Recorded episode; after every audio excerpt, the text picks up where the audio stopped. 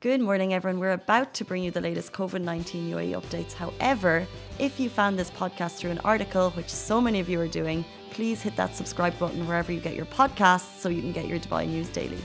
Good Morning, everyone. How are you doing? Happy Thursday. If the days aren't rolling into one for you, uh, welcome back to the Lovin Dubai Daily Live, where we bring you the trending stories that everyone in Dubai is talking about. I'd love to know where you're watching from, home, obviously, for the majority of you, but also how you're doing in the stay home period and what day of self isolation are you on. Uh, personally, I'm only on day five, so right now I'm still enjoying the the 10 second commute. I'm still enjoying the fact that I don't need to like fully get dressed up. Uh, but maybe does that change after a while? Um, I'm only five days in, so I'm a little bit behind a lot of people. Um, but what we're going to talk about today we will talk about the new rise in COVID 19 cases, uh, but also we'll talk about ways you can stay healthy in your home, in your apartment this weekend, and also tips and tricks for each room, uh, which was announced by Dubai Ministry of Health yesterday, which I think was a really nice initiative uh, for fun things you can do in your home. Uh, but the first story we will talk about, and we haven't been reporting the rises every day, but I think at the moment there was quite a significant jump, and it was announced on Wednesday night from 150 new cases in the UAE and two more deaths. And I think it's worth at some sometimes, of course, we want to bring you the light stories, but also the fact that we are going into another weekend of uh, curfew in the evening, and also the majority of us just really trying to stay home. So it's worth reminding ourselves why. Um, so a jump yesterday meant that the total rise to 814. The ministry also announced two new deaths uh, from people suffering from COVID 19 so an Asian, an Asian national and a GCC national, uh, aged 62 and 78 respectively. Uh, both of the deaths were prior to that suffering from chronic illnesses. Um, but they also said that the new cases were people who had been in contact with previously infected cases, did not adhere to kind of preventive measures, did not adhere to social distancing. And they're pretty much reminding everyone to please continue to practice good hygiene, maintain social distance, and also, like I said earlier, ways that you can use your home uh, over the next while. So, in case you're not doing these already, which you probably are, uh, this was announced by the Ministry of Health yesterday. Um, so, what you can do in your different rooms. And it sounds basic, but it kind of makes sense. So, for example, the kitchen, try a new recipe. You may just be kind of going back into a routine now. You've been uh, self isolating for a little while, but why not try something new? Uh, add a little bit of excitement to your cooking. Um, also in your garden or your balcony or your courtyard or, courtyard or whatever you have, it is a good space to try and work out. And we are actually going to, in the show, talk about 10 places you can get free workouts from people in Dubai who are putting free workouts online. So shout out to those guys who are making the effort, but also it's kind of up to us to make use of them. So hopefully you're looking forward to that. Um, in your bedroom, it says get enough sleep. This is key especially I think when you are waking, moving around from room to room, you're not getting the fresh air that we're used to.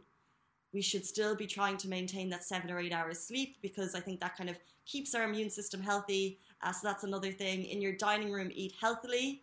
In your living room, if you are living with family, continue to practice social distancing. It's a, uh, from their words, keep one meter distance between your family. And then also in your office, if you're going in to check the news, follow reliable sources only. Um, and this is what we'll also talk about. Of course, it's so important to follow, uh, for example, Dubai Media Office, Dubai Police, because there are so many rumors being spread. And this brings us into our second story. Yesterday, we talked about a rumor regarding the UAE was going to start calling videos, uh, recording your video calls and monitoring your social media platforms. It was not true. So if you saw that flyer and you weren't watching yesterday's show, it's not true. Today we're talking about another rumor, and I feel at the moment Dubai Media Office is working so hard to just stem these rumors because what's happening is a lot of people are getting sent videos, you're getting sent messages all through WhatsApp, and they're not verified sources.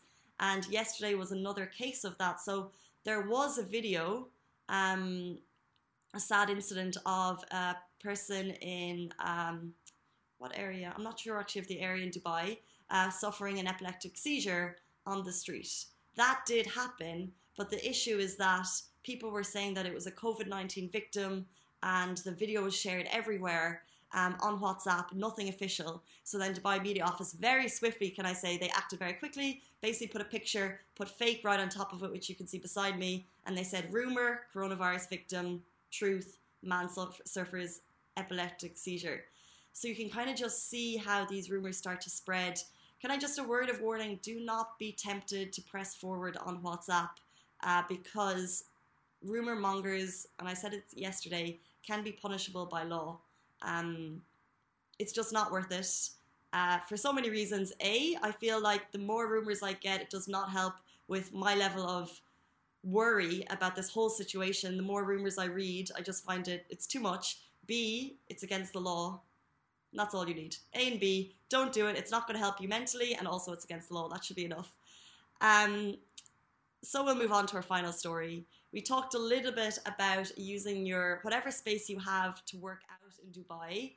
Although I'm fully aware if you are waking up in your bedroom, going to your living room, using your office, whatever it is for work, and then to try and use the same space for working out, it is hard. Uh, I'm with you there, especially when you hear people are doing these amazing feats of exercise. We talked about people running marathons in their house. We're not all going to be doing that. Personally, I find it quite hard at the start to motivate myself. Um, I haven't been to the gym in a couple of weeks. Fortunately, uh, a couple of the people that I go to the gym with, just some of the girls in the class, they decided to set up a Zoom call, and I found that so. I probably wouldn't have started working out otherwise. So with them and with their motivation and someone shouting at the end of the screen, it helped me.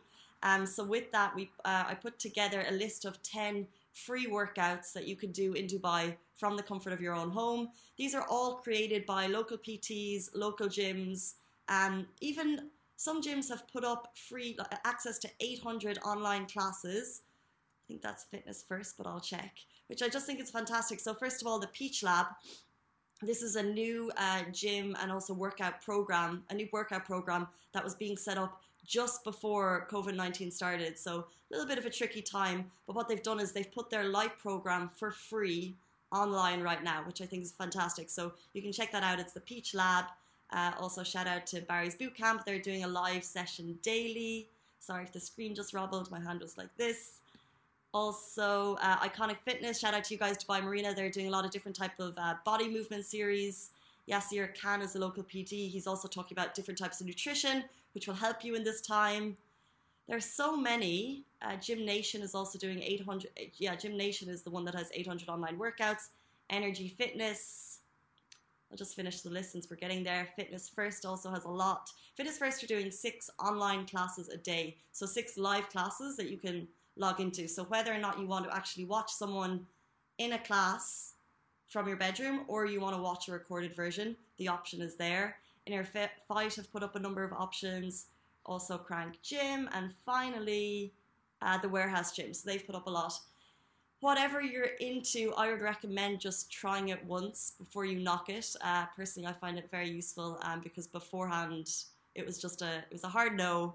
Um, but I found that now I've done two, and I feel like, especially going into the weekend, we have so much time on our hands. We want to stay in, but we don't want to be stuck reading uh, the endless amount of news and new information. So a workout can be really good for mental and both physical. Um, so let me know how you guys are getting on. Let me know if you're using any of the workouts. I'll drop them in the link after live. And also, before we go, I want to talk, shout out the isolation diaries for today. Uh, keep sending them in. They're, we're getting so much great content from you guys. This one is Flip the Switch. If you haven't seen this TikTok challenge, I'll just play it now for a second.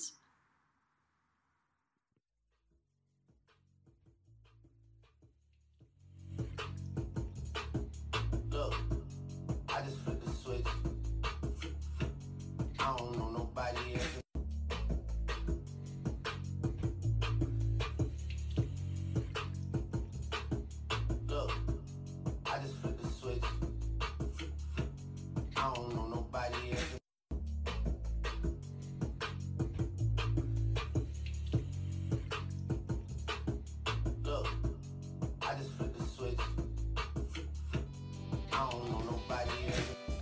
That is a wrap for the Lovin Dubai Daily Live. Remember, we are back with you same time, same place every morning. Do not forget, we also have Dubai Works Business Podcast where Rich sits down with the business people of Dubai so you can get more information about that. And of course, the Lovin Weekly Show where Shireen and I chat to influencers and get to know a little bit more about them. Bye.